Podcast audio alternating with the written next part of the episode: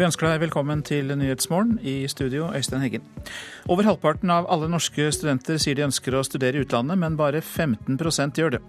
Klima- og miljøminister Vidar Helgesen skal møte partene bak ulveforliket for første gang etter den, eh, det kontroversielle vedtaket om å verne ulveflokkene i Hedmark. Opp mot 70% av guttene som blir utsatt for mobbing, lar være å si fra. Og i Argentina er den årlige prisstigningen på 40% og misnøyen med regjeringen er stor.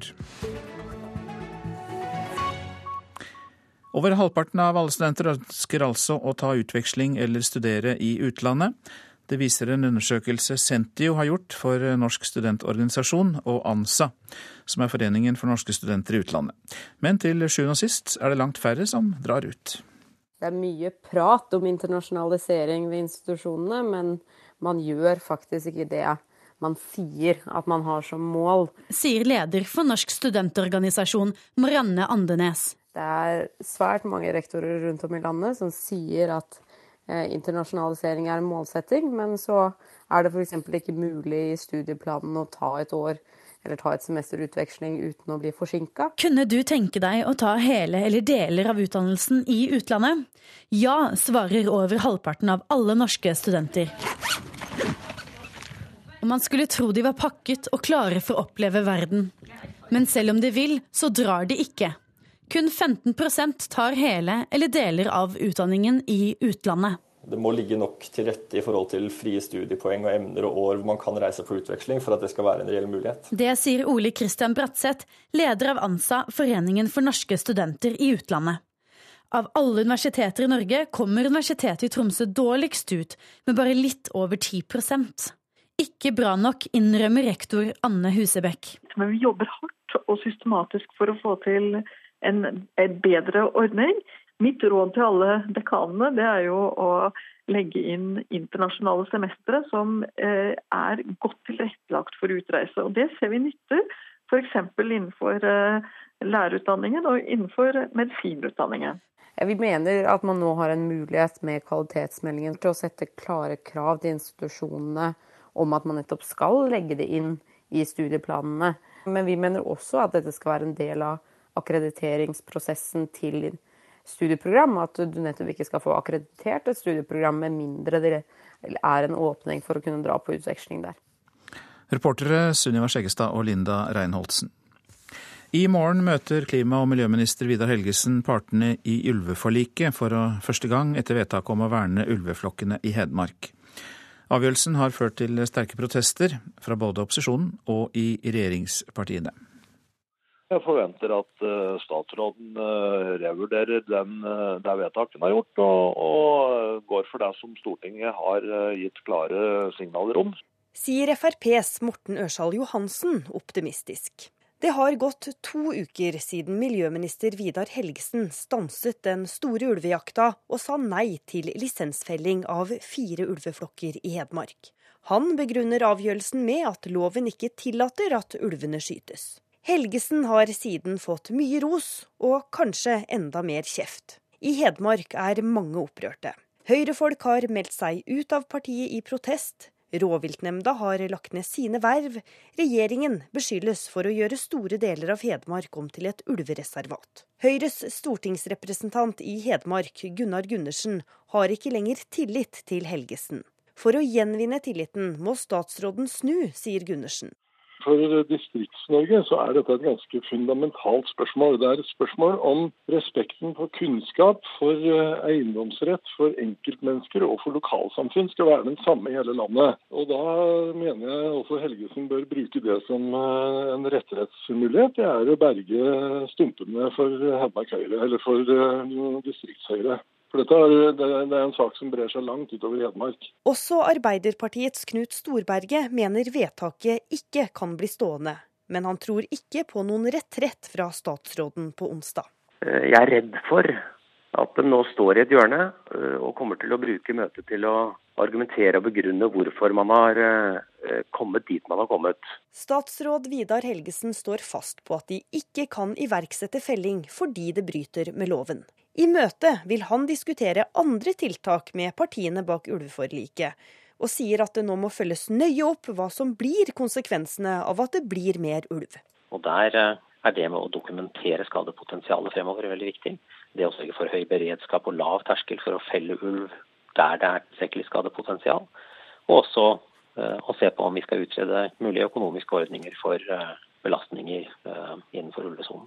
Storberget mener regjeringen må se på saken på nytt, og krever at Helgesen redegjør i Stortinget for hvorfor ulveforliket er satt til side. Så mener jo at Stortinget da må avgjøre om man har tillit til regjeringen i dette spørsmålet, og i særdeleshet miljøvernministeren. Romjula har ikke lagt noen demper på engasjementet i Hedmark. I stedet er tida brukt til å mobilisere. Mellom 500 og 1000 personer er venta til markeringen, som skal holdes utenfor Klima- og miljødepartementet i forkant av møtet på onsdag. Reportere Sunniva Skjeggestad og Nei, det var uh, Anne Nesheim som var uh, reporter uh, her. Men helt sikker er jeg på at Håvard Grønli har kommet til studio. og... Og eh, om dere ikke roper ulv, så skal dere i hvert fall snakke om ulv i Politisk kvarter. Å ja, for eh, denne veka kommer rett og slett til å stå i ulvens tegn. Her eh, har vi jo hørt om eh, møtet mellom ulveforlikspartiene og om demonstrasjonene som kommer i morgen. Det er dessuten et første møte allerede i dag mellom regjeringa og representanter fra Hedmark Høyre, der sinna nå står i kok. I Politisk kvarter har vi med oss Høyre-politikeren fra Åmot i Hedmark, som fikk nok og meldte seg ut. Et annet tema som vil prege kommende politiske halvår, er vårt forhold til EU gjennom EØS-avtalen. For motstanden mot denne avtalen vokser, men hva mener egentlig Frp om EØS-avtalen? Det har det vært litt ulike svar på i romjula. Til oss kommer Frp-nestleder Per Sandberg. Ja, når dette skjer, er klokka 7.45. Vi snakker altså om Politisk kvarter. Opp mot 70% av guttene som blir utsatt for mobbing, lar være å si fra. Det viser undersøkelser Juni Research har gjort på norske ungdomsskoler. Ved Ortun ungdomsskole i Bergen er rektor Stein Larsen bekymret. Veldig ofte er det sånn at ingen har sett eller opplevd noen ting rundt dette. her. Foreldrene var ikke bekymret og ikke hørt noe. Vi har ikke observert noen ting. De har ikke hatt noe endret atferd i klasserommet. Så dette er noe de tier bom stille med. Det er nok frykten for at ting skal bli verre og ikke bedre som spiller inn her. Det forteller André Baraldsnes ved Uni Research, som er en av landets fremste eksperter på mobbing. I undersøkelsene svarer mange av guttene at de ikke tror de kommer til å få den hjelpa de trenger om de sier ifra om mobbinga. En god del av guttene svarer òg at de er redde for at mobberen skal hevne seg. Å ikke si ifra om at en blir mobba, kan få store konsekvenser. Og det vi vet, er at, at det kan få både fysiske, men også, også psykiske eh, helseplager eh, hvis, hvis dette her setter seg og går over, over tid. Og det, det, er alvorlig.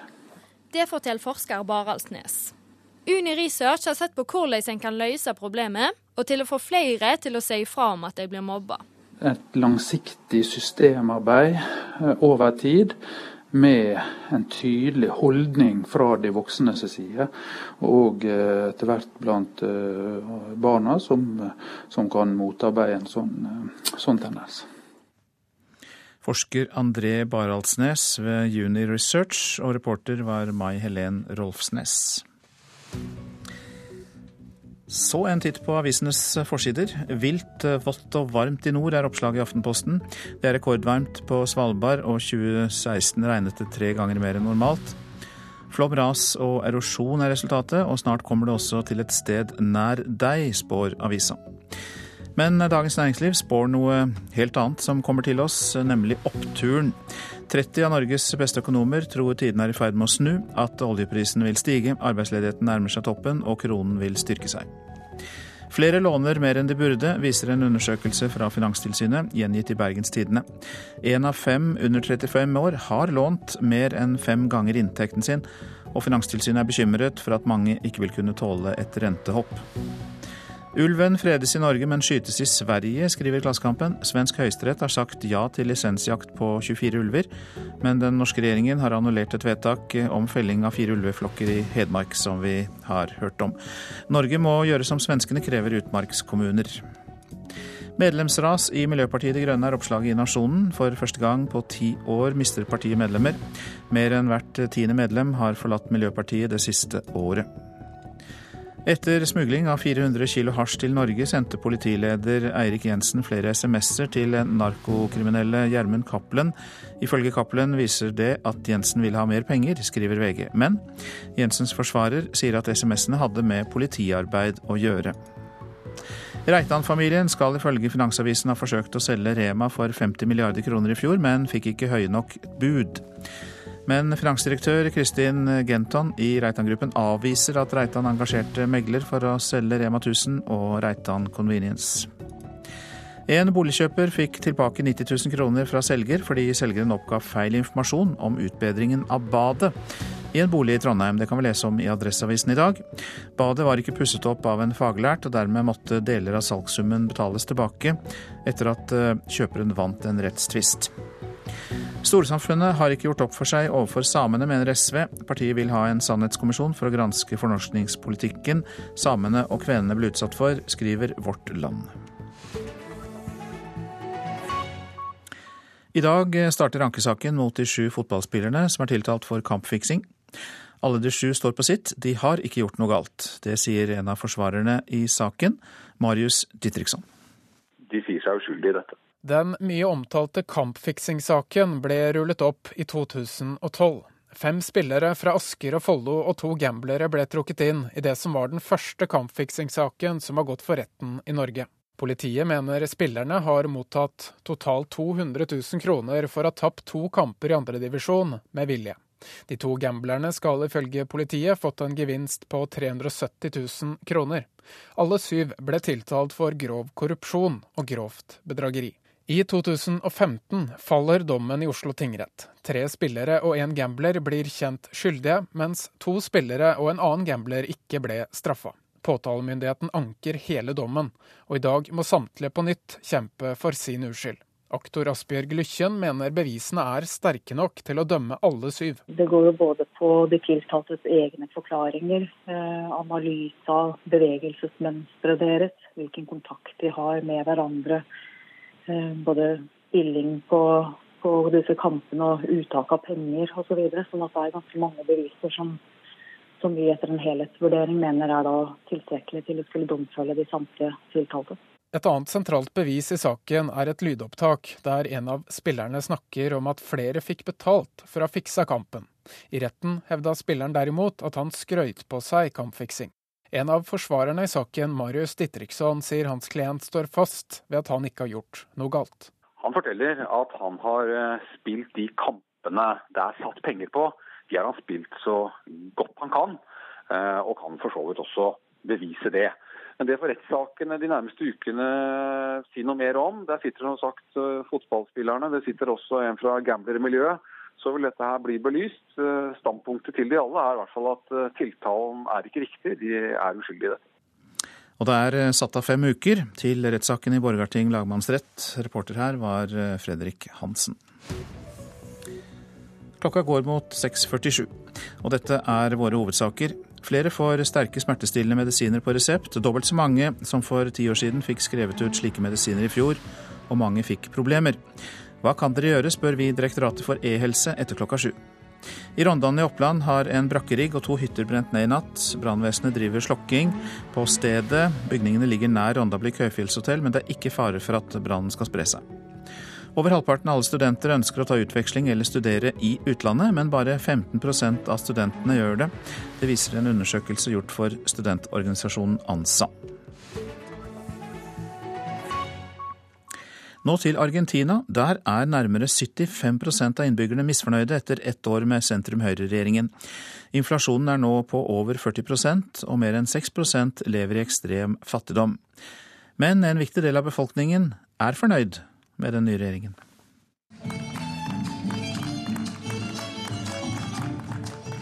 Jeg er på det berømte markedet Feria de Mataderos i Buenos Aires. Her er det landsbygdas kultur og tradisjoner som vises frem. Konflikten mellom by og land er en rød tråd i Argentinas historie. Og under den tidligere sosialistregjeringen var landets bønder pålagt tunge avgifter på sin eksport av kjøtt og andre landbruksvarer. Men da den nåværende sentrum-høyre-regjeringen kom til makten for et år siden, ble avgiftene fjernet, og det er nå økt optimisme på den argentinske landsbygda. Ahora el campo está bien.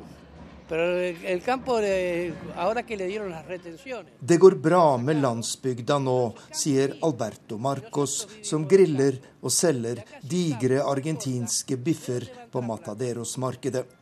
Vi har nå fått en regjering som forstår hva Argentina lever av, og som har fjernet den urimelige beskatningen av oss bønder.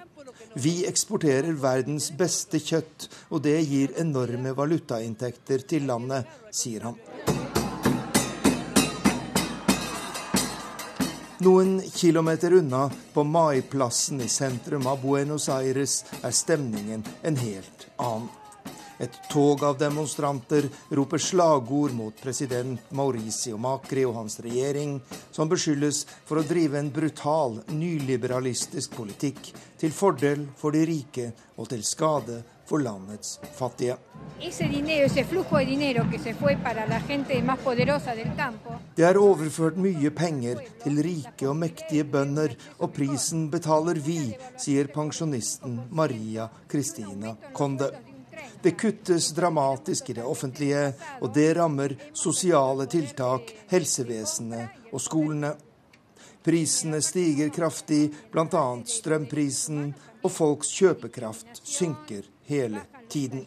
Det er dette vi demonstrerer mot, sier pensjonisten i Buenos Aires. Et splittet Argentina er på vei inn i det som kan bli et dramatisk år 2017. Reporter i Argentina, Arnt Stefansen. Vi skal hjem igjen og til eh, elbilister, for det er forvirring eh, blant dem. Hvor må de betale for offentlig parkering, og hvor må de ikke? Stortinget har nemlig fra nyttår fjernet den generelle gratisparkeringen, og nå er det opp til hver enkelt kommune om de vil beholde fritaket. Og dermed må elbilistene selv passe på om de må betale der de har satt fra seg bilen. Jeg møter elbileierne på ladestasjonen på Danmarksplass. Jeg var pluggen i. Har du fått med deg hva som skjer med gratisparkeringer for elbiler? Jeg leste akkurat på Voss i dag at det var over, i hvert fall, men jeg har ikke fått med meg noe annet. Om det ikke er mer i Bergen òg. Kommunene sjøl skal bestemme hvordan det blir med den gratisparkering for elbiler. Men jeg vet ikke hva de har eh, bestemt her i Bergen. Fra hver kommune så kan det være ulike regler. Så vi har jo anbefalt at hver enkelt må sjekke i sin kommune. Og hvis de er usikre, ta også gjerne betale parkeringsavgiften for sikkerhets skyld for å unngå bøtelegging. Det sier kommunikasjonsleder Petter Haugneland i Norsk Elbilforening. Forvirringa gjelder ikke bare hvor elbilparkering fremdeles er gratis. Det er også uvisst hvordan elbilistene skal få informasjon om dette. Vegdirektoratet jobber fortsatt med de retningslinjene for skilting, så det er uklart. Det var i fjor vår at Stortinget vedtok å fjerne gratisparkeringa for elektriske biler automatisk fra 1.1.2017. Derimot kan kommunene fremdeles gjøre lokale vedtak om å beholde gratisparkeringa helt eller delvis. Voss er blitt den eneste kommunen i Hordaland der elbiler får avgift på alle offentlige parkeringsplasser. Voss, stakkars, de som har bruk for biler her oppe. Jeg syns det er synd i de, altså. Men eh, alle andre betaler jo når de parkerer? Alle andre enn elbiler, ja. Så de syns du ikke synd på de andre? Nei, fins ikke. Spyr ut alt dette her. Svimmer jeg. Jeg syns det bør være gratisparkering osv. For alltid? Til i hvert fall 50% var elbiler. Resten av ditt liv? Nei, det går fortere ned, det tror jeg faktisk. Og reporter eh, rundt der blant eh, elbiltrafikantene var Leif Rune Løland. Fristen for å søke stillingen som direktør ved Nasjonalmuseet gikk ut ved nyttår, men nå har det nye styret forlenget fristen med en måned. Det kan tyde på at de ikke er fornøyde med søkerbunken de har fått. Det mener professor Jan Ketil Arnulf. Det er fordi de ikke har den kandidaten de ønsker seg. Det sier professor Jan Ketil Arnulf ved Institutt for ledelse og organisasjon ved BI. Han mener forlenginga av søknadsfristen kan tyde på at styret ikke er nøyde med søkerbunken, eller at de har en kandidat som trenger mer tid før han eller hun sender inn en søknad. Det betyr at man f.eks. har tatt kontakt med noen, og så kan man få en beskjed tilbake om at vedkommende f.eks. er usikker, har ikke hatt tid til å sette seg inn i det, har kanskje en kontrakt vedkommende ikke kan løpe fra. Sånn. Og da kan det være på sin plass å, å forlenge fristen. Men det sier jo litt i forhold til de som da allerede har søkt. ikke sant? Du allerede har søkt en jobb sant, innenfor fristen, og så sier at de forlenger fristen, så sier de jo litt på den måten om deres vurdering av ditt kandidatur. Men styreleder Linda Bernander Silseth avviser at de ikke er nøyde med de søkerne de har fått så langt. Vi har her rett og slett behov for å konstituere et nytt styre, og da velge et ansettelsesutvalg som skal gå inn og på en måte bli kjent med den uh, fine rekrutteringsprosessen som har vært til nå og skal sette seg inn i den søkermassen som ligger på bordet. Stillinga som direktør ved Nasjonalmuseet, som har et åremål på seks år, ble lyst ut i november og hadde opprinnelig en søknadsfrist som gikk ut ved nyttår. Men det nye styret, som har sitt første møte i dag, utvider altså fristen med én måned. Silseth sier de vil bruke tida på å finne den rette personen til å leie museet framover. Nei, Det er helt avgjørende for oss at den lederen som velges inn i det nye åremålet, er visjonær, eh, har en, en god eh, kunstfaglig bakgrunn, eh, skjønner denne type virksomheter, og som på en måte har nødvendig både da, kunnskap og ambisjoner til å løfte denne flotte organisasjonen på Nasjonalmuseet inn eh, mot 2020. Eh, når det nye Nasjonalmuseet skal åpne på, på Vestbanetomta. Audun Eckhoff har vært direktør ved Nasjonalmuseet siden 2009. Og i Klassekampen før jul mente flere kunstkritikere at han trolig får holde fram i jobben.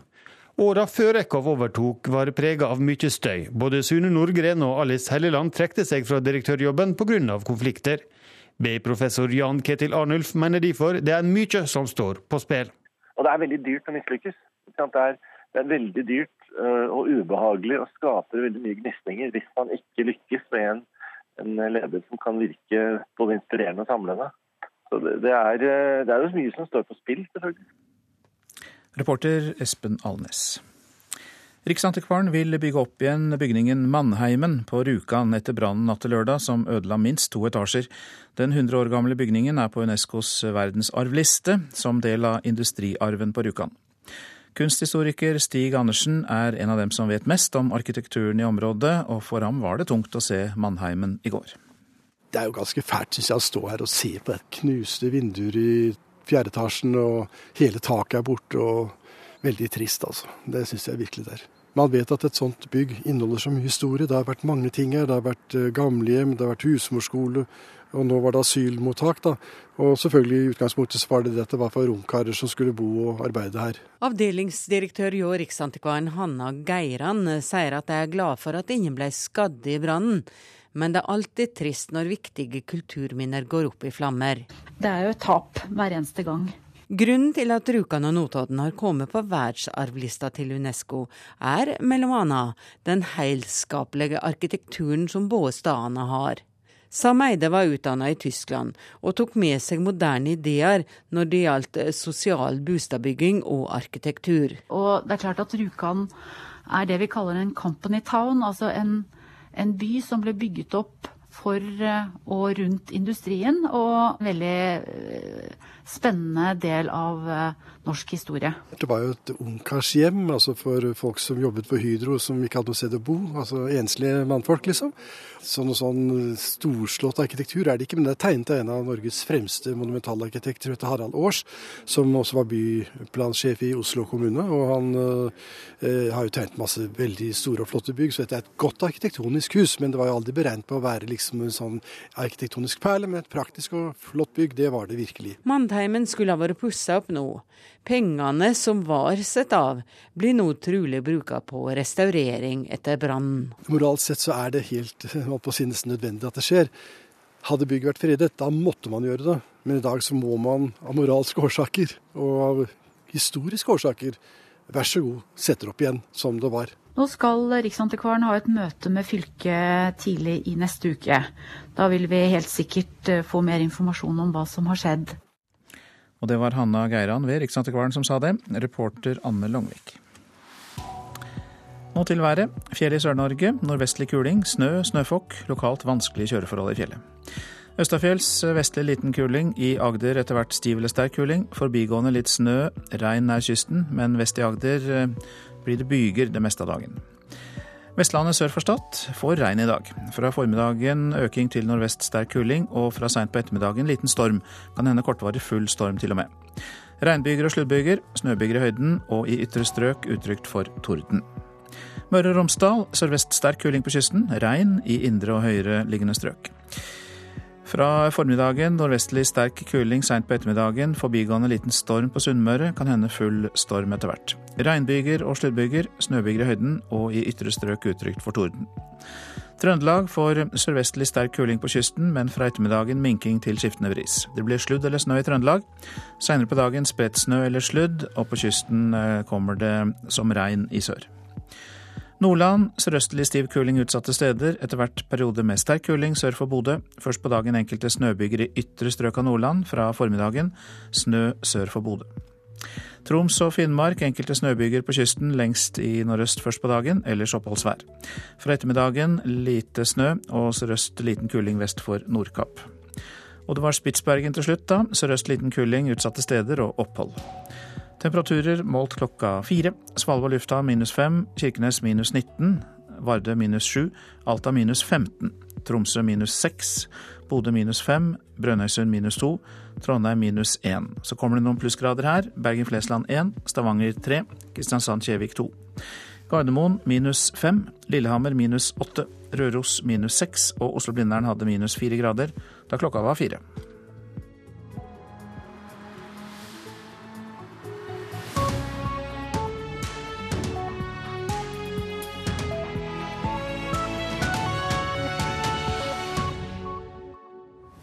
2016 var et tøft år for media. Tilliten til de tradisjonelle nyhetskildene er frynsete, og falske nyheter florerer. Hvordan skal tilliten til journalistikken gjenreises, og hva blir pressens største utfordringer i 2017? Hør Kulturhuset klokka 13 på NRK P2.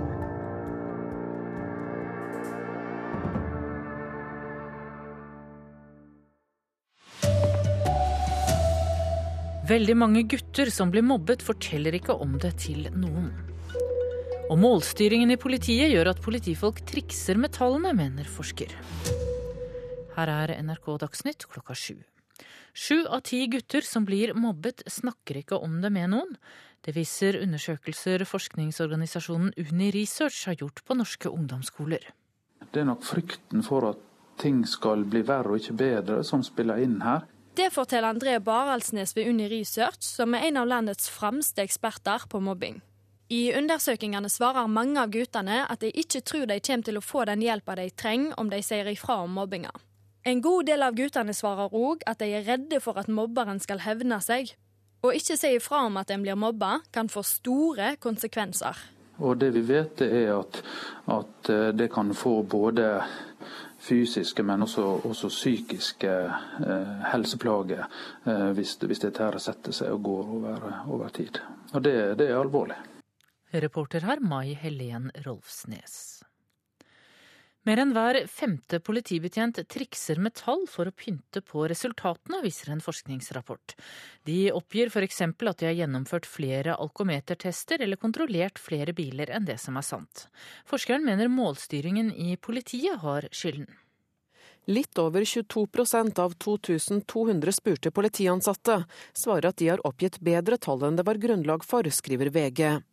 Det er forskningsleder Kristin Thea Vatne ved Arbeidsforskningsinstituttet ved Høgskolen i Oslo og Akershus, som i 2013 gjennomførte spørreundersøkelsen i forbindelse med sin doktorgradsavhandling om hvordan politiet opplever konsekvensene av mål- og resultatstyring. Ifølge undersøkelsen ble det trikset mest med tall i Haugaland og Sunnhordland politidistrikt, der hele 37,3% av de ansatte oppga at de hadde trikset med tall i løpet av det siste året. I Oslo politidistrikt oppga 19,4% at de hadde pyntet på tallene.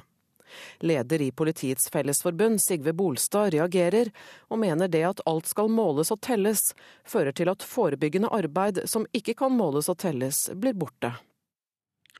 Reporter Kristine Næss Larsen. I dag starter ankesaken mot en frisør på Bryne i Rogaland. I tingretten ble hun dømt for å ha nektet en kvinne med hijab adgang til frisørsalongen sin. Nå skal lagmannsretten ta stilling til om dette er lovstridig diskriminering. Det har vært en sjudobling i antall turister fra Kina på norske hoteller de siste åtte årene.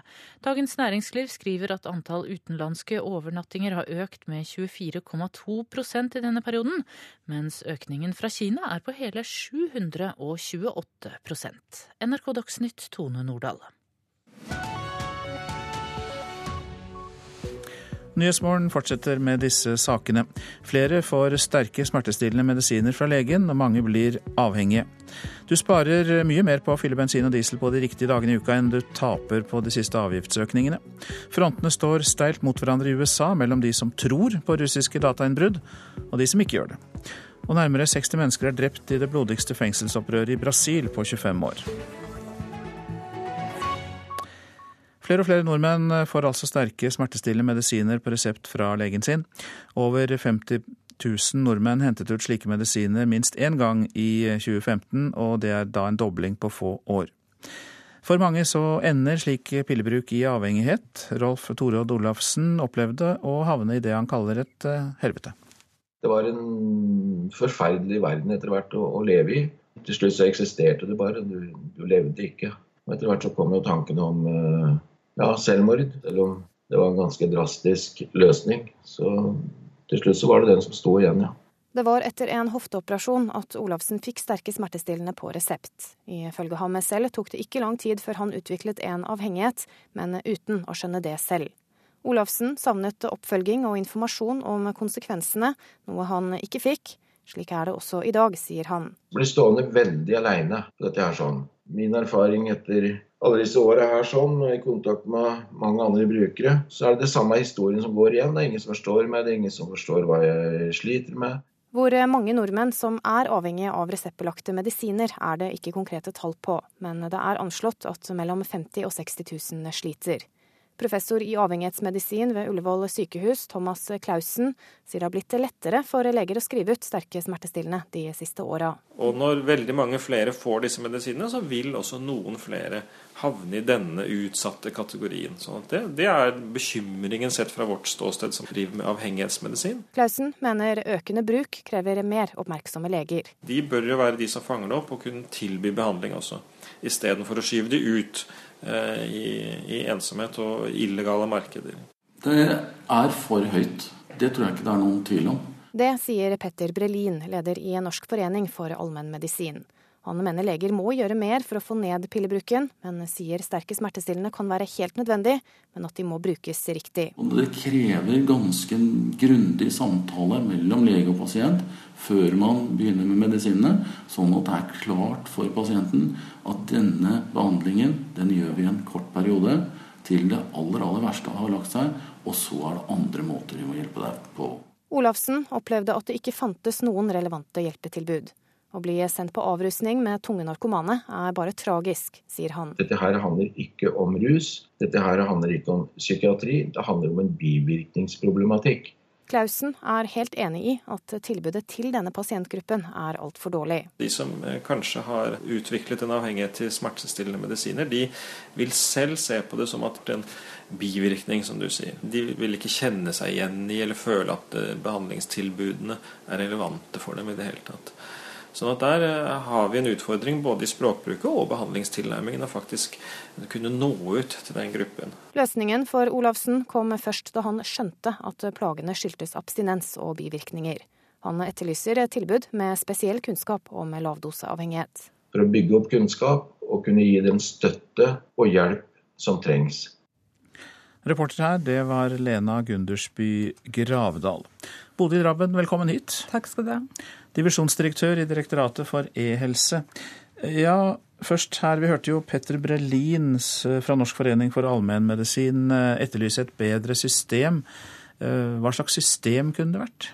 Ja, Det som er så bra, er at vi har jo det systemet. Vi har e-resept, som er eh, reseptopplysninger i en nasjonal løsning. Og der har man jo mulighet for deling av reseptopplysninger mellom behandlere om en pasient. Eh, så, sånn at systemet er der i dag. Og i tillegg så har jo legene kjøpt sine egne journalsystemer da, som, eh, som gir de oversikt. Så det som er eventuelt er utfordringen som vi hører litt om her, da, det er jo det at eh, legenes eh, egne systemer avgjør hvor tilgjengelig den informasjonen er. Eh, og det er en viktig, viktig informasjon. Det, men det er oversikter. Så det er ikke sånn at det mangler. De, de, finnes altså, sier du. Hvordan kan da de systemene som allerede finnes, brukes bedre? Er det da først og fremst at det ligger hos legen selv? Ja, og legen må aktivt, det er den andre utfordringen, legen må aktivt oppsøke den informasjonen i sine systemer. Hvor lett er det egentlig da for pasienter som vil ta ut mye medikamenter, som føler behov for det, å lure systemet? Ja, eh, det er ikke mulig å forfalske resepter. Eh, det er jo en kjempebra eh, et stort framskritt med innføring av e-resept i Norge som nasjonalt. Sånn at legene må inn og se hva som ligger i oversikten. Og når de ser, når jeg f.eks. går til min fastlege og får en resept, så og så går jeg etterpå til en annen lege av en eller annen grunn og får den samme resepten, så er det den, den legen jeg går til, som har en plikt til å gå inn i systemet og se at jeg allerede har fått en resept, resept som kanskje hadde gjort meg avhengig. Eh, og det som eh, er også så viktig, er at en hvilken som helst lege kan tilbakekalle eller fjerne den resepten, sånn at man ikke ligger igjen med mange resepter som ikke er gyldige. da. Men hvis eh, legene da ikke gjør den jobben du eh, sier de eh, skal gjøre, så kan man også da få ut for mye medisin også innenfor e-reseptsystemet? Ja, legene må passe på at eh, de reseptene ikke ligger dobbelt. Eh, og det er klart at vi må jobbe med mer helhetlig sammen med sektoren for å få bedre varslinger eh, og disse systemene til å gjøre, bli bedre og bli mer brukervennlige for legene, sånn at de faktisk går inn. Men det største største utfordringen er at legen må gå inn og se hva som ligger av legemiddelinformasjon på pasienten, og så ta sin avgjørelse sammen med pasienten i møte med pasienten. Ja. Så jobber dere i Direktoratet for e-helse med å digitalisere enda mer. Hva skal skje? Ja, det er mye som skjer. Vi jobber jo som eh, sagt nå med å få opp kvaliteten for e-resepter. Og det er en stor kartlegging vi har gjort nå i 2016, som er i ferd med å, å komme i mål nå. da. Eh, hvor vi får opp eh, hva vi skal gjøre videre for å forbedre situasjonen for leger og pasienter. Eh, vi ser også på legemiddelområdet, som er en stor satsing for oss. Eh, og, og, sammen så skal vi jo jobbe mot én journal da, for alle innbyggere i Norge. Men det ligger litt lenger fram, så i mellomtiden så må vi også sørge for at de systemene vi har, og utvikle systemer og legemiddellister f.eks., som vil gi en bedre hverdag for legene. Et system der all informasjon ligger? Ja. Takk skal du ha, Bodil Rabben, divisjonsdirektør i Direktoratet for e-helse.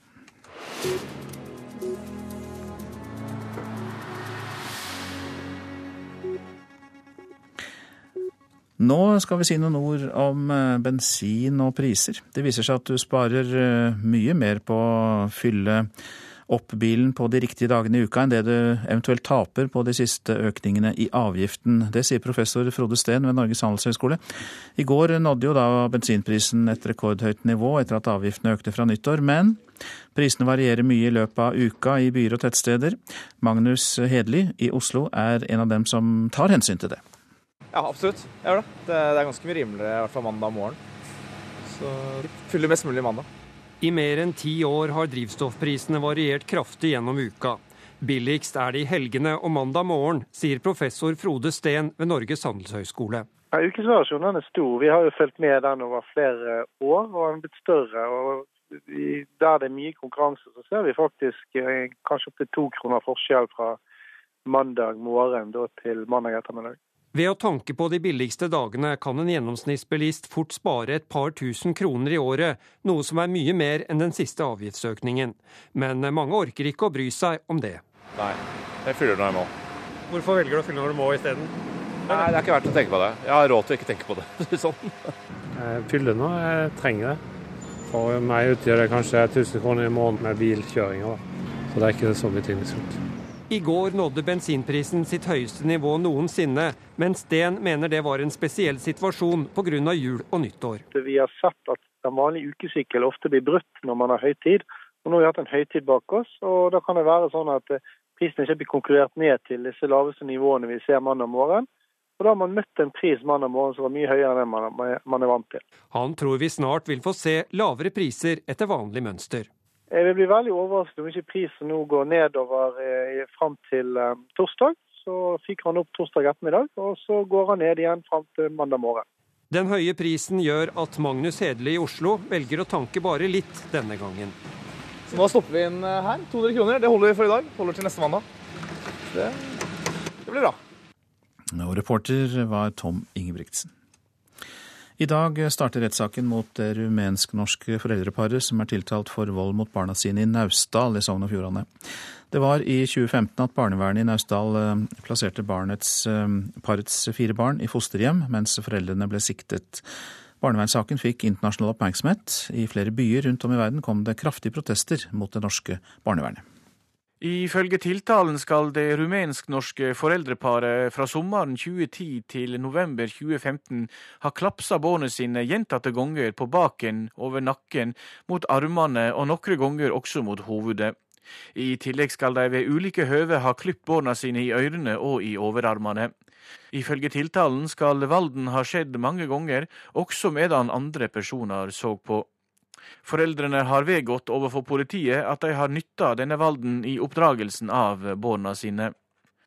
Barnevernssaka i Naustdal vekte sterke reaksjoner i utlandet med store protester mot det norske barnevernet, og etter en lang prosess i Naustdal ble barna ført tilbake til foreldra. I fjor sommer reiste det norsk-rumenske paret til Romania, og like før skolestart kom beskjeden om at familien var buende i landet. Faren sin advokat Ragnhild Torgersen sa at familien flytta fra det norske barnevernet.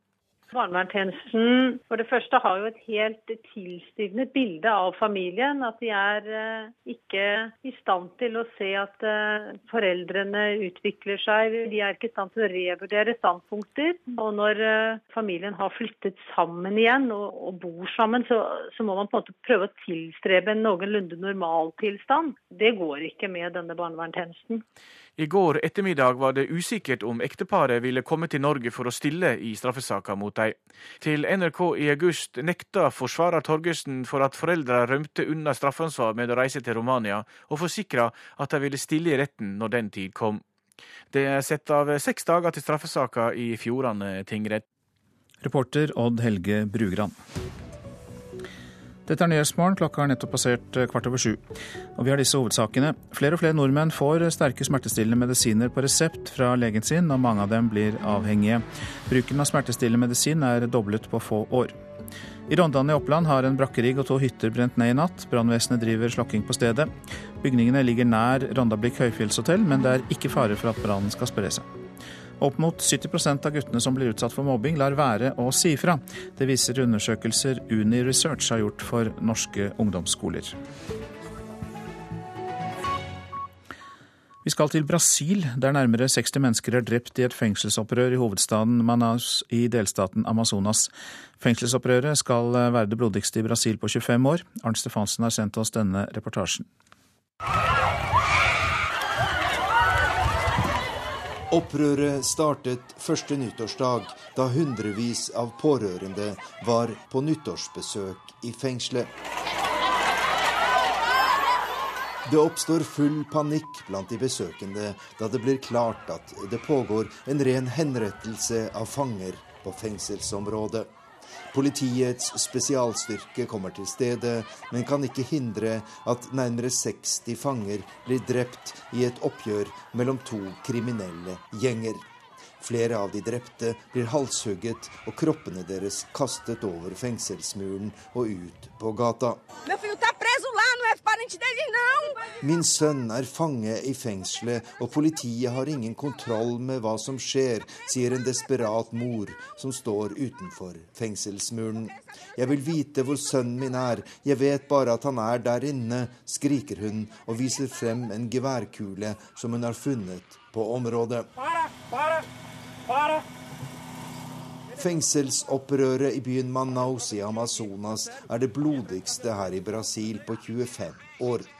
Ifølge brasilianske myndigheter er opprøret knyttet til en kamp om narkotikamarkeder mellom to av Brasils mektigste kriminelle gjenger, PCC i Sao Paulo og Rød Kommando her i Rio de Janeiro. Infelizmente houveram mortos, até porque já tem uns Dessverre er det mange døde, og noen av dem ble funnet utenfor fengselet, sier Sergio Fontes, som er sikkerhetssjef i delstaten Amazonas. Det var også mange som utnyttet situasjonen og greide å rømme. Vi vet ikke ennå hvor mange det var, men vi leter etter dem i skogene og langs veiene rundt fengselet. Dette er den verste fengselsmassakre i vår delstat noensinne, sier sikkerhetssjefen. Mer enn 500 fanger blir hvert år drept her i Brasil, og internasjonale menneskerettsgrupper har i en årrekke kritisert landet for overfylte fengsler. Anisio Jobin-fengselet i Manaus hadde mer enn 1200 innsatte, selv om det er bygget for mindre enn halvparten. Det hører med til historien at det private selskapet som driver fengselet, blir betalt etter hvor mange innsatte det er der. Og Det siste tallet på drepte etter fengselsopprøret i Manaus i delstaten Amazonas er nå på 56 personer. De 35 russiske diplomatene som ble utvist fra USA pga. hacking, kom i går tilbake til Russland. Men i USA fortsetter debatten om det virkelig var russerne som sto bak de digitale innbruddene i amerikanske datamaskiner, eller om det kan ha vært andre.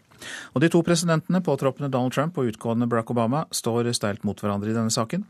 Utenriksmedarbeider Joar Hoel Larsen, du er kommet til studio, og hva mer vet vi nå om eh, datainnbruddene?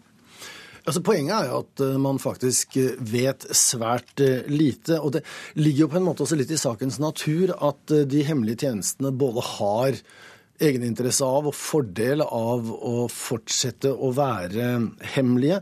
Det er årsaken at amerikanerne ikke vil gå ut med hva de på en måte virkelig vet. For dersom de gjør det, så vil man indirekte da også avsløre hvordan man har fått vite det. Og det vil gi da russerne igjen i neste omgang ny informasjon om hva amerikanerne vet. Slik at dette er det spillet som man kjenner fra, fra andre spionsaker. Det nye i denne sammenhengen er jo at det på en måte da, USA har jo bare én president, men i øyeblikket så er det to navngitte, en avgående og en påtroppende.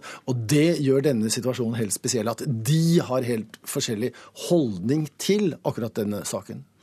Siden det er så hemmelig, vet vi da heller ikke om de har gjort noe galt når de hacket seg inn, eller har de bare sittet og titta på hva som ligger der inne av informasjon? Ja, så Vi vet jo heller ikke det, egentlig. Men det man vet, er jo at det plutselig dukket opp en lang rekke dokumenter hos Wikileaks under valgkampen. Og et eller annet sted kom jo disse fra. Og det anonyme kilder i USA nå hevder, og som CNN da videreformidler, det er at eh, etterretningstjenestene skal kunne spore disse meldingene tilbake til helt spesielle tastaturer med kyrilliske bokstaver. Eh, slik at det skal på en måte være beviset på at det står russere bak. Men eh, dette kan jo også da noen ha interesse av å plante, så det gjelder å holde både tunga rett i munnen og hodet kaldt og føttene på bakken og hva vet jeg. Så man skal ikke stole på alt man hører fra disse kanter heller. Ja, du nevnte jo da at disse presidentene, av- og påtroppende, står steilt mot hverandre. Og så er det da en påtroppende pressetalsmann for Donald Trump eh, som riktignok ikke har begynt å jobbe i Det hvite huset ennå, men men, men, han sier at det er ikke fnugg av bevis. Så hva skal vi tro på? Nei, det er jo ikke noe bevis. Og dette går jo på to plan. Det ene er A. Vet man det virkelig? Og B. Har det hatt noen innflytelse på valgkampen, på utfallet, på valgresultatet, på hvem som ble valgt til president? Og der er det klart at Demokratene ønsker jo da på en måte å, å gi, gi, russerne litt, uh, litt kreditt her, nettopp fordi at de har altså da gått inn og påvirket dette resultatet, slik at uh, demokratenes kandidat Hillary Clinton tapte.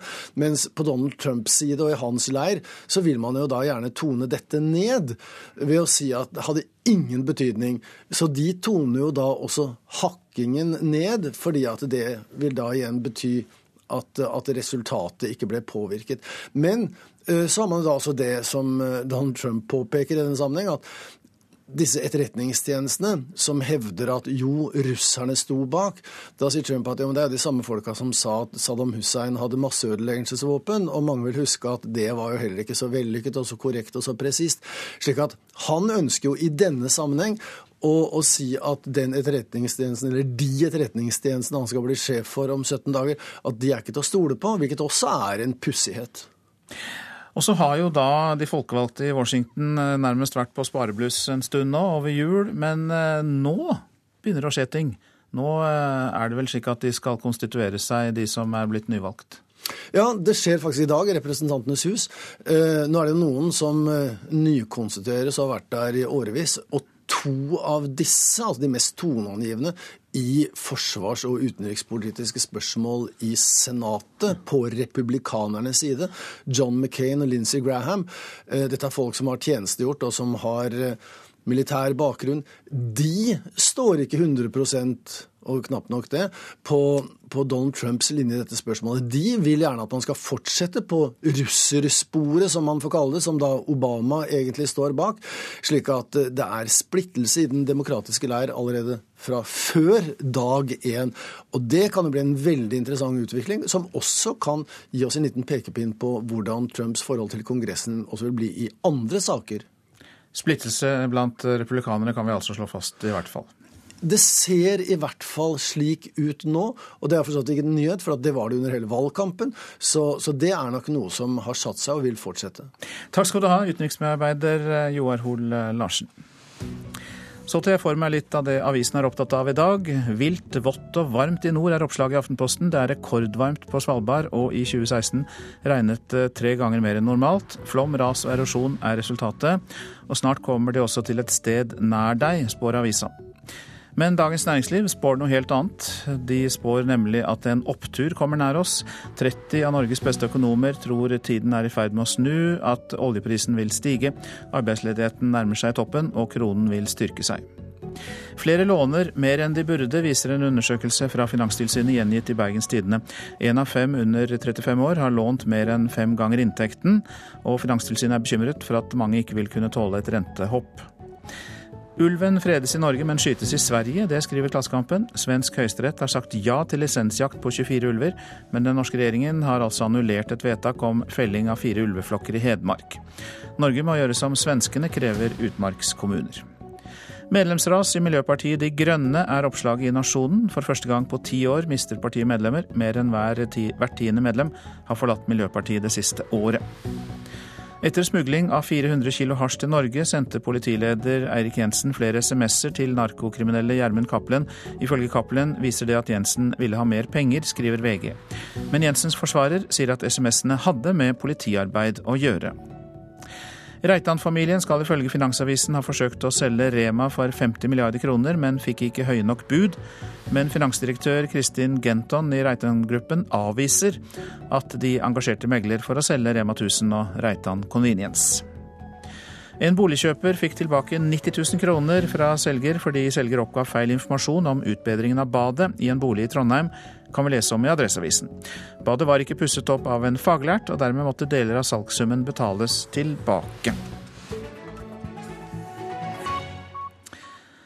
Gamle er de, og høyt henger de. Alder er definitivt ingen hindring for klatrepensjonistene i Drammen. Ja, akkurat som vi driver barnebarn. Det krever sin mann å komme inn i klatreselen. Jon Øverhus har for lengst passert middagshøyden, men det stopper ham ikke i å manøvrere seg til topps i klatreveggen. Og så lar bena stå, og så lener deg tilbake. Nå kan du slippe kroppen ut. Sammen med flere andre pensjonister har han i dag tatt turen til klatreverket i Drammen. Jeg gleder meg til det her. Du tror det går bra? Ja, det gjør det helt sikkert. Men Skal du satse på å liksom klatre rett opp nå, eller skal du liksom begynne det små? Nei, man begynner det små. Begynne å lære dette med å klatre, og så skal du da selvfølgelig komme ned igjen. Se hvordan det gjøres. Det er det viktigste av alt. ikke sant? At ikke du bare slipper deg rett ned, men bruker beina og, og sånn. Du, du, må kunne karakterisere som godt uh, voksen. Hva er det som får en kar i din alder til å, til, til å ta initiativet til en sånn klatresamling for pensjonister? Nei, Hva er det som er grunnen til det? Jeg er, jeg er veldig aktiv eh, på mange måter. Jeg er turleder i Turistforeningen og har grupper eh, stadig vekk. Eh, og er opptatt av at vi som er rundt 70 og litt til, må komme oss ut. Og dette er jo spennende. ikke sant? Her får vi brukt hele kroppen vår. Dessverre så er det mange som finner ut at sofaen er veldig god. Det er den sikkert, men det er jo også farlig å havne der. Gå helt opp. Nei, nei, nei jeg, jeg, jeg, tror ikke det. Jeg syns dette var tøft, ja. Du med din høydeskrekk. God start. Kjempebra. Og det går oppsiktsvekkende bra med klatrepensjonistene. Den ene etter den andre fyker opp klatreveggen som om de ikke hadde gjort annet. Jon Øvrehus har til og med overtalt kona, som har høydeskrekk. Du puster litt tungt nå. Var, var, dette, var dette, litt eh, sånn skummelt? Ja, ja, ja dette føler jeg er eh, Dette er veldig utfordrende. Ja, jeg, jeg, snakket litt med mannen din. Han, han, sier at du har ikke bare et snev av høydeskrekk, men eh, du, har, du, er rett og slett litt sånn engstelig for, for høyder, du? Ja, jeg er engstelig for høyder. Men eh, jeg har aldri latt det bli noe brems for meg. Så, så hvis det er noe jeg vil, så gjør jeg det. Ja. Jeg har også brems. Det er bare de som sikrer som trenger det. Det er Den norske turistforeningen som står bak klatreinitiativet. Annenhver mandag satser pensjonistene på å samles i Klatreverkets lokaler. Påmelding er ikke nødvendig, det er bare å møte opp. Du, du klarte deg ganske bra her i stedet. Du kom ganske mange, mange meter opp uten problemer. Har du tenkt å ta turen helt til topps? Ikke i dag, men sånn halvveis opp. For ja. det var veldig morsomt. Ja. Det var mye enklere enn jeg hadde tenkt. Ja, du, du, du så jo ikke noe spesielt redd ut heller? Nei, jeg er litt sånn inni meg nå. Og Jan Erik Viltil var reporter blant eh, klatrerne. Produsent for Nyhetsmorgen i dag, Eli Bjelland. Og her i studio, Øystein Heng.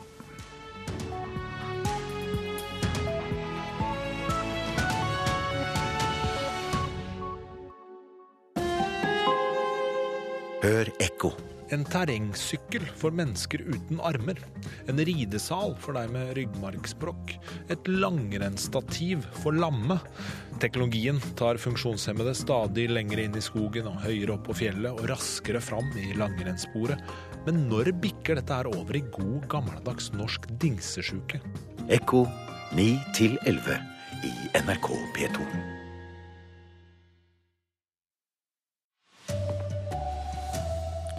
Stor økning i antall pasienter som får sterke smertestillende. Mange blir avhengige.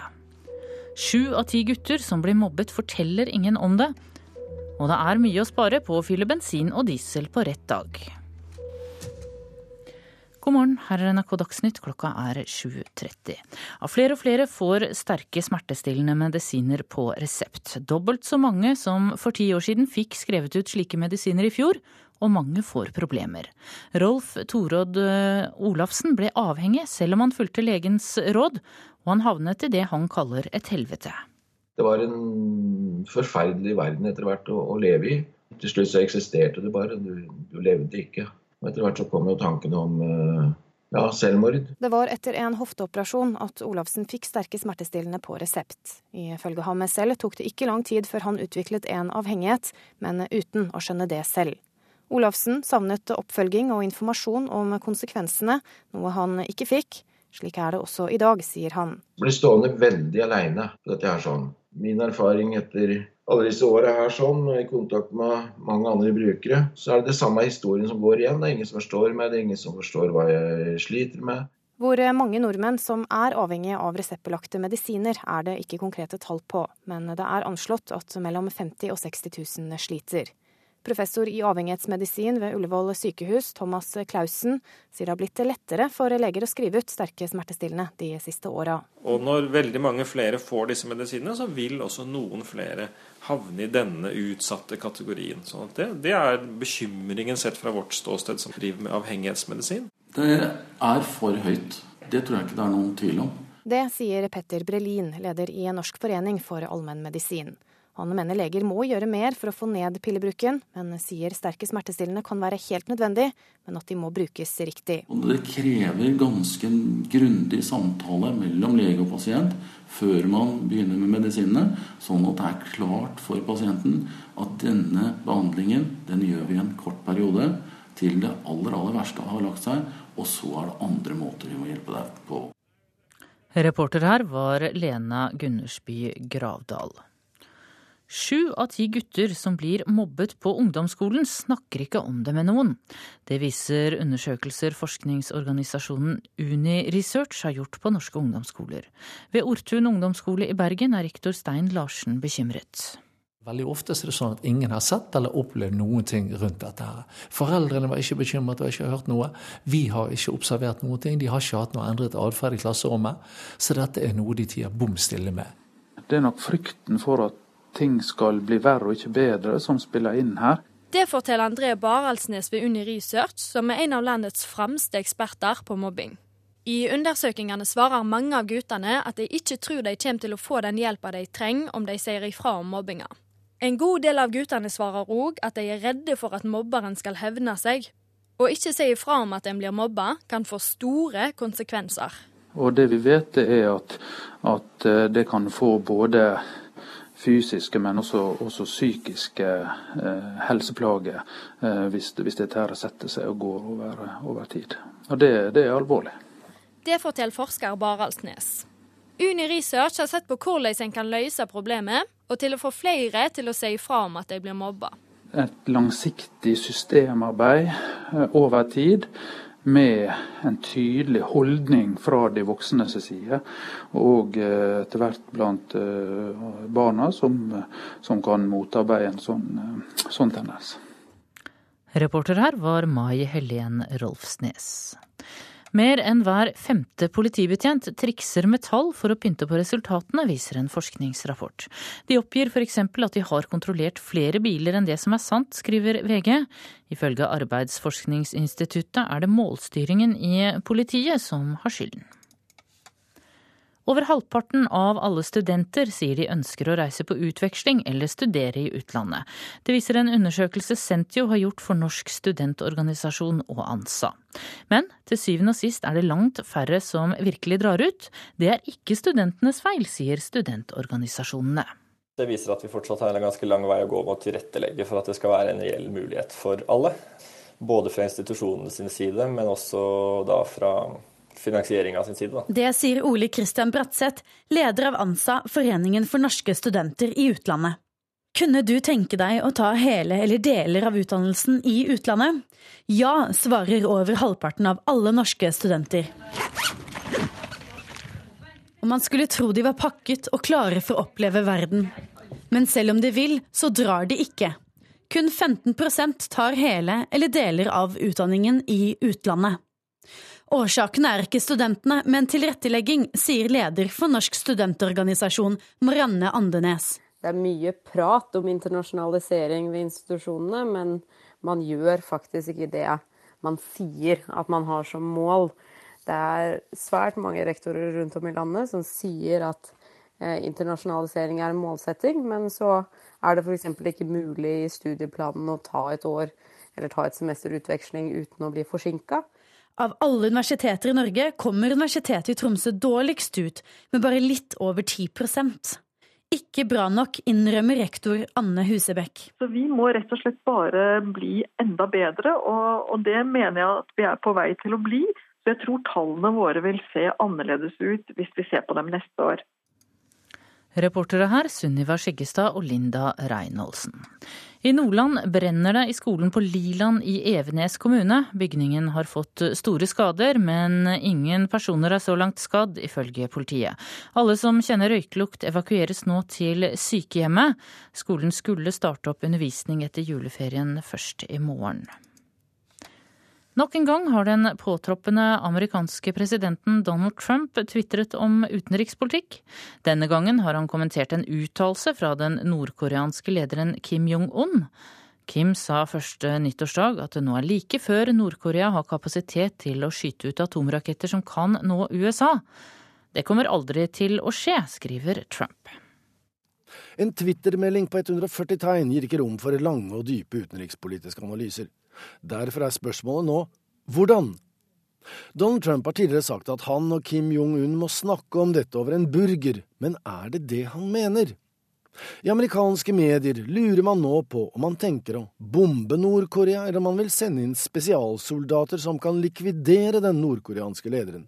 Eller er det snakk om hacking og bugs, altså digitale virkemidler som er så populære i den politiske debatten for tiden?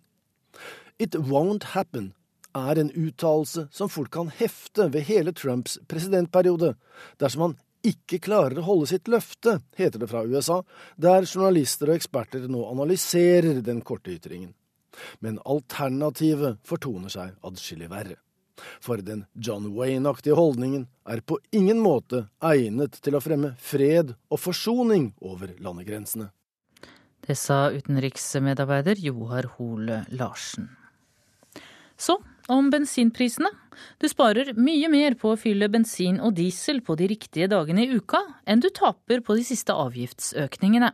Det sier professor Frode Steen ved Norges handelshøyskole. I går nådde bensinprisen et rekordhøyt nivå etter at avgiftene økte fra nyttår. Men i byer og tettbygde strøk varierer prisene kraftig i løpet av en uke. Magnus Hedli i Oslo er en av dem som tar hensyn til det. Ja, absolutt. Jeg gjør det. Det er ganske mye rimeligere i hvert fall mandag morgen. Så fyller mest mulig mandag. I mer enn ti år har drivstoffprisene variert kraftig gjennom uka. Billigst er det i helgene og mandag morgen, sier professor Frode Steen ved Norges handelshøyskole. Ja, Ukesvariasjonen er stor. Vi har jo fulgt med den over flere år, og den er blitt større. og Der det er mye konkurranse, så ser vi faktisk eh, kanskje opptil to kroner forskjell fra mandag morgen til mandag ettermiddag. Ved å tanke på de billigste dagene kan en gjennomsnittsbilist fort spare et par tusen kroner i året, noe som er mye mer enn den siste avgiftsøkningen. Men mange orker ikke å bry seg om det. Nei, jeg fyller når jeg må. Jeg har råd til å ikke tenke på det. sånn. For meg utgjør det kanskje 1000 kroner i måneden med bilkjøring. Så det er ikke så betydningsfullt. I går nådde bensinprisen sitt høyeste nivå noensinne, men Sten mener det var en spesiell situasjon pga. jul og nyttår. Han tror vi snart vil få se lavere priser etter vanlig mønster. Jeg vil bli veldig overrasket om ikke prisen nå går nedover eh, fram til eh, torsdag. Så fyker han opp torsdag ettermiddag, og så går han ned igjen fram til mandag morgen. Den høye prisen gjør at Magnus Hedle i Oslo velger å tanke bare litt denne gangen. Så nå stopper vi inn eh, her. 200 kroner. Det holder vi for i dag. Holder til neste mandag. Det, det blir bra. Reporter i dette innslaget var Tom Ingebrigtsen. Ansvarlig for Dagsnytt, Sven Gullvåg. Her i studio, Tone Nordahl.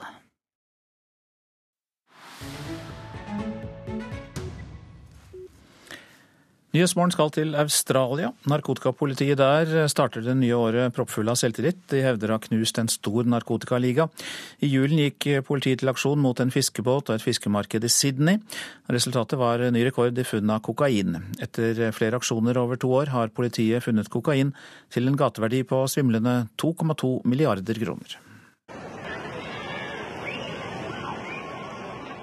Fastboende og tilreisende koser seg på Bondi Beach i Sydney i Australia.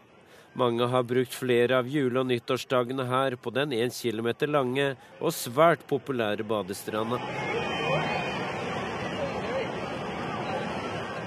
Innimellom badende barn, ungdommer og voksne ses livreddere på vannskutere og i gummibåter, ikledd badetøy og rød nisselue.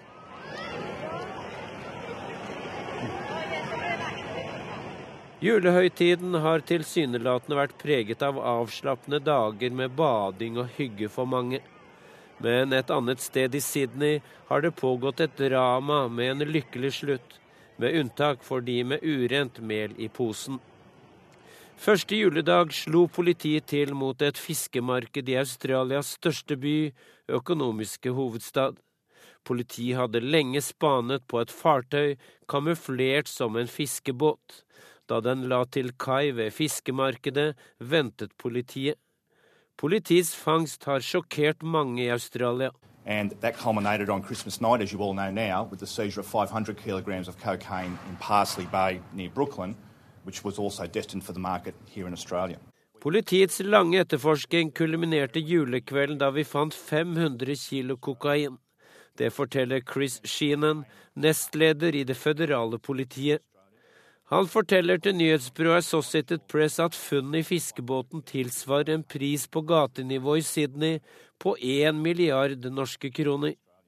Politisjefen forteller videre at i tillegg til det enorme kokainbeslaget i båten ved fiskemarkedet, kommer et funn i en tilsvarende aksjon på Tahiti. De 600 kiloene tatt der var også ment for markedet i Australia. 600 kilograms of cocaine in Tahiti that we will allege was destined for Australia. Stolt forteller politisjefen om at australsk politi nå i julen har slått alle tidligere rekorder når det gjelder beslag av kokain. Gateverdien for de to funnene på til sammen 1,1 tonn er på 360 millioner australske dollar, som tilsvarer 2,2 milliarder norske kroner. The size of those two cocaine seizures individually places them both in the top 10 cocaine seizures in Australian history. The size of that seizure collectively, 1.1 tonnes, makes it the largest cocaine seizure in Australian law enforcement history. Det største kokainbeslaget i Australias historie i julen får enorm oppmerksomhet i landet Down Under, også av personene som er arrestert. Flere er kjente personligheter. Dette er fra øyeblikket der politiet i mørket fører menn i håndjern bort fra fiskemarkedet og inn i en ventende sivil politibil. 15 personer er arrestert, 14 av dem er fra Australia, én er fra New Zealand. De er i alderen fra 29 år og helt opp til 63 år. En av de arresterte er en kjent tidligere rugbystjerne fra toppserien i Australia. En annen en vellykket forretningsmann fra Bondi i Sydney. Politiet har i to og et halvt år hatt de mistenkte smuglerne under oppsikt. Kokain som var ment for det australske markedet, ble fraktet på skip fra Sør-Amerika. Ute i havet har altså et fartøy kamuflert som fiskebåt overtatt varene. Politiet mener å ha knust en stor narkoliga nå ved inngangen til det nye året. Så reporter Dag Bredvei. Dette er hovedsaker i nyhetene. Flere og flere nordmenn får sterke smertestillende medisiner på resept fra legen sin, og mange av dem blir avhengige. Bruken av smertestillende medisin er doblet på få år. Opp mot 70% av guttene som blir utsatt for mobbing, lar være å si fra. Det viser undersøkelser Uni Research har gjort for norske ungdomsskoler.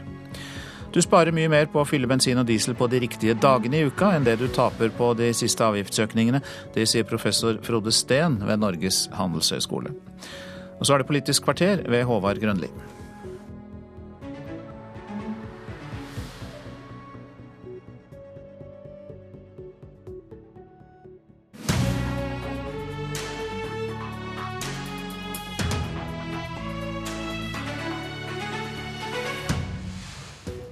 To små ord på tre bokstaver skal skape politisk hodebry i tida som kommer.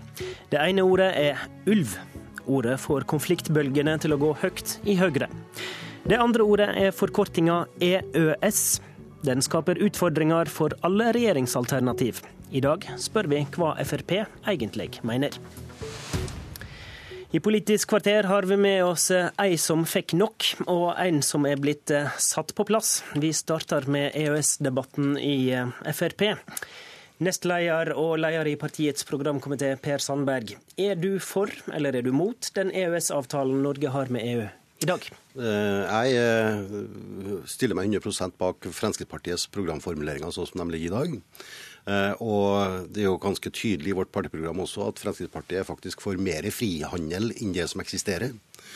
Eh, den debatten som har gått nå, den med bakgrunn i et intervju jeg ga i Klassekampen. Og da var jeg ærlig på det også. fordi at eh, Spørsmålet var hvis du legger alle eh, implikasjoner, indirekte eller direkte, som har skjedd i kjølvannet av EØS-avtalen fra 94, mm. eh, og hadde lagt alt det på bordet i dag, og jeg skulle ha stemt ja eller nei, da hadde jeg stemt nei.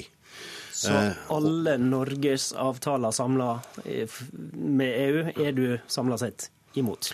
Nei, jeg er for frihandel, og jeg er for en forsterka handel med EU. Jeg er for frihandel i den forstand at du skal ha lik konkurranse. Men det jeg er imot, og det som Fremskrittspartiet også har lagt ned i sitt program, at vi ønsker å gå gjennom og reforhandle, det er det som har skjedd etter 94, med EU-utvidelsen, med eksport av trygdeordninger, med et innslag i folketrygden vår. Helt merkelig merkelige eh, lover i EU som slår voldsomt ut i Norge i forhold til konkurranse. Kjøre- og hviletid. Det siste nå, spalta fjøsgulv for sauebønder osv.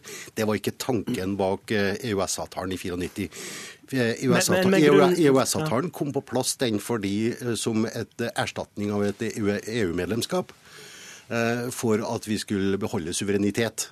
Og det har kommet mange rapporter i ettertid som viser det at norsk suverenitet er tapt på mange fronter, og det er det som okay. opptar Fremskrittspartiet. Og Grunnen til at eh, jeg sa i starten her at du var satt på plass, var jo at eh, partileder Siv Jensen har gitt et intervju i romjula til Dagens Næringsliv, der hun tilsynelatende korrigerer ditt eh, standpunkt. Og Hun sier at du er for EØS. Men det kan vi jo ikke si da, ut fra sånn som du resonnerer her. Siv, Siv Jensen og Per Sandberg er helt enige, og vi er begge to lojale til partiets programformuleringer. Eh, og vi har hatt eh, nå runder i vårt landsmøte tre år på rad når det gjelder EØS-avtalen. Vi har kommet fram til gode kompromiss. Eh, og så leder jeg programkomiteen til Fremskrittspartiet nå. Og det registrerer jeg gjennom å få inn ja, mellom 2000 og 2500 innspill til programkomiteen nå fra tillitsvalgte folkevalgte. Mm. Så er nettopp EØS-avtalen et av de viktigste temaene som, som, som partiet vårt er opptatt av. Og i dag sier partiet i sitt program at dere er for, men vil arbeide for å forbedre den, og om nødvendig reforhandle. Ja.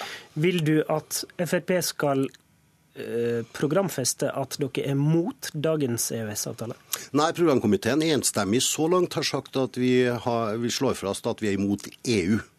Men programkomiteen er klar og tydelig på at vi er nødt til å ha en handelsavtale med, med, EU, som er vårt største og viktigste marked.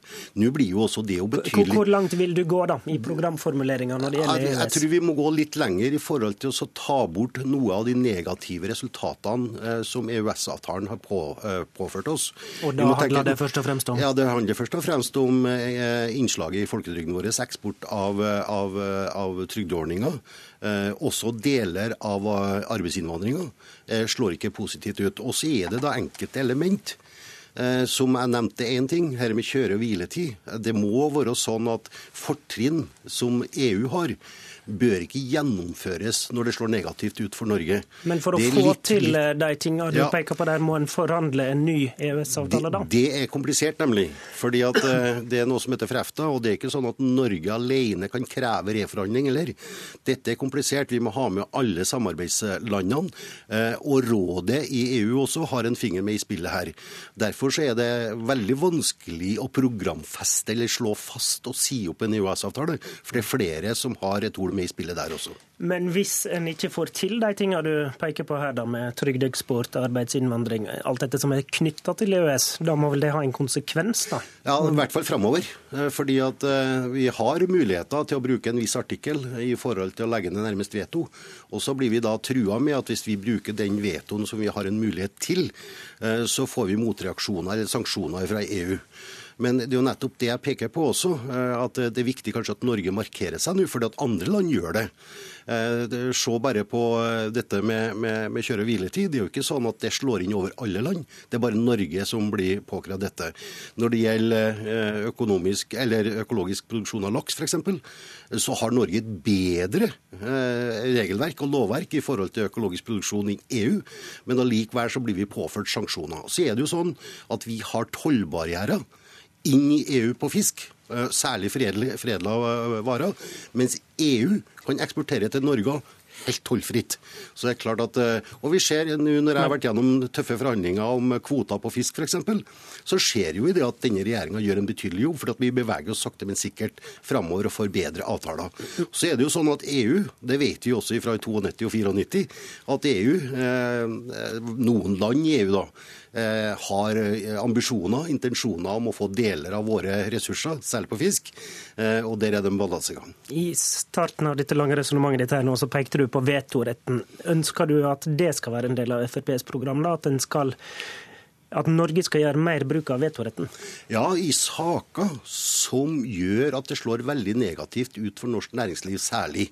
Altså det at vi taper konkurranse fordi at EU har noen fortrinn, så mener jeg at vi må stå på vårt i mye større grad. Sånn som f.eks. Island har et inntrykk av gjør i større grad. Kan et skjerpa standpunkt i EØS-saka gjøre samarbeidet med Høyre vrient? Nei, vi, eh, vi, respekterer hverandre og vi vet hvor Høyre står i dette spørsmålet. Og vi er jo for, eh, for, for øvrig helt enig.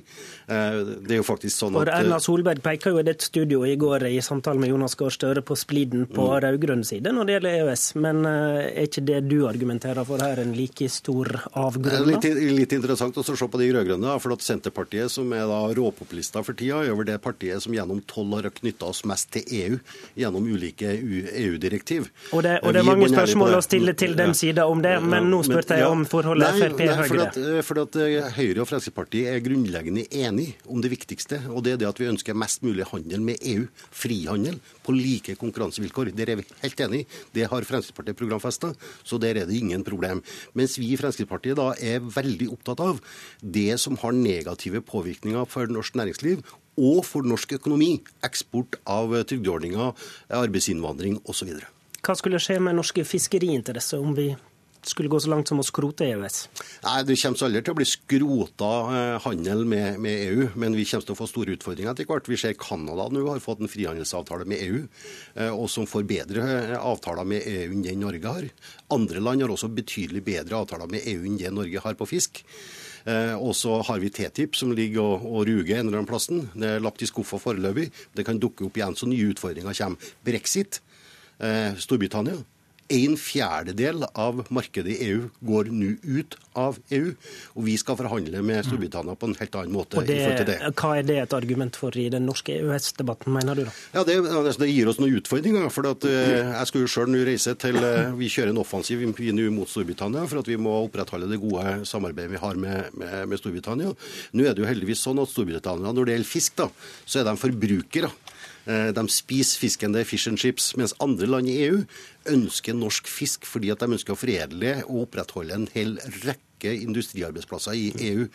Eh, vårt forhold til Storbritannia frykter jeg ikke i hele tatt, men allikevel så er det 25% av markedet vårt i EU går nå ut av EU, og det setter oss i en annen situasjon også. Du, nå avrunder vi straks dette intervjuet. Når folk ha, som har hørt dette skal oppsummere nå, da, var Per Sandberg egentlig for eller mot EØS? Hva, hva, har de hørt? Per Sandberg er for en betydelig frihandel og handel med EU. Alle marked, forresten. Jeg jobber med utrolig mange markeder. Han er for frihandel. Men er han for eller mot EØS? Eh, og når det gjelder EØS-avtalen, så forholder jeg meg til det som Fremskrittspartiet har nedfelt i sitt eh, partiprogram. Og så får vi da en ny runde i partiprogrammet nå, som skal vedtas på landsmøtet i mai. Og tror, og, og tror du Frp syn på og forsterka standpunkt i forhold til det at vi må reforhandle eh, og få til å finne et handlingsrom som gjør at norske fortrinn i mye større grad kommer fram i forhold til EØS-avtalen. Eh, Frp går sannsynligvis inn for reforhandling av EØS-avtalen? Ja, og som jeg sier, det er ikke så enkelt. Vi kan ikke programfeste en reforhandling for vi må ha med flere land eh, og EU i forhold til det også. Men det er det dere ønsker. OK, takk for at du kom, Per Sandberg.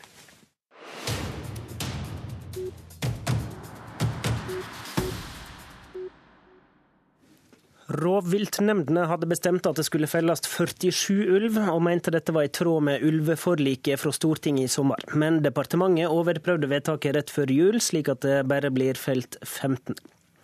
I dag møter sinte representanter fra Hedmark Høyre statsministeren og miljøministeren. I morgen kommer busslaster med hedmarkinger for å demonstrere i hovedstaden, samtidig som det er krisemøte mellom ulveforlikspartiene. God morgen, eh, Sissel Frang Rustad. God morgen, god morgen. Du er tidligere nestleder i Hedmark Høyre og sitter i kommunestyret i Åmot. Du skal holde appell under demonstrasjonen i morgen, men du har ingen plass på Høyre-møtet i dag, for du er ikke lenger Høyre-medlem. Hvorfor Nei. har du meldt deg ut? Jo, jeg meldte meg ut pga. det som skjedde den 20. desember. Det var en veldig dårlig julegave til Hedmarks befolkning. Eh, når Klima- og miljødepartementet opphever rovviltnemndenes vedtak om lisensfelling av ulv. Det kan ikke jeg gå for. Før vi holder fram, så skal jeg understreke at vi inviterte miljøminister Vidar Helgesen til sendinga i dag. Han takka nei til både debatt og intervju om ulvevedtaket. Hva er det du reagerer så veldig på med denne saka fra departementet? da? Ja, jeg syns det her er fattet et vedtak på feil grunnlag. Altså, Naturmangfoldslovens paragraf 8 tar jo for seg òg grunneierens jaktrettigheter. Eh, her er det ikke tatt med det i mm, grunnlaget i hele tatt. Eh, det er ikke hensyntatt i hele tatt. Og det samme er eh, altså livskvaliteten til folk. Næringsgrunnlaget i kommuner som Åmot, der vi har alle fire flokka innenfor vår kommune. Altså jaktretter eh, og, og, livsgrunnlag, altså jaktretter på andre dyr enn ulv, da, eh, og livsgrunnlaget til folk gjør at en burde kunne ha lovlig tilgang til å felle ulv. Ja, også næringsgrunnlag, ikke minst. Altså Vi ser bare bønder i Åmot. Vi hadde jo 30-40 bruk med sauer eh, for bare 7-8 år tilbake. Nå har vi fire.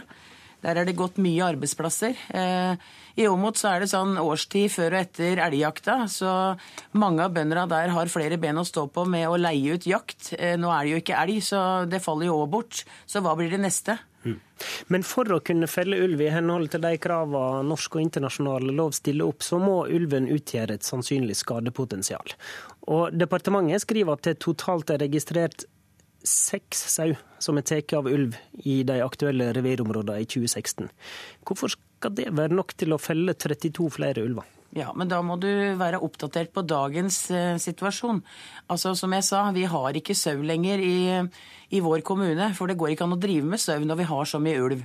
Men hvis vi går litt lenger inn i skogen, så ser vi det at eh, kadaver etter elg En ulveflokk spiser 120 elg i året, og vi har alle fire flokka. Altså, vi fòrer ulven i Åmot med 500 elg i løpet av året.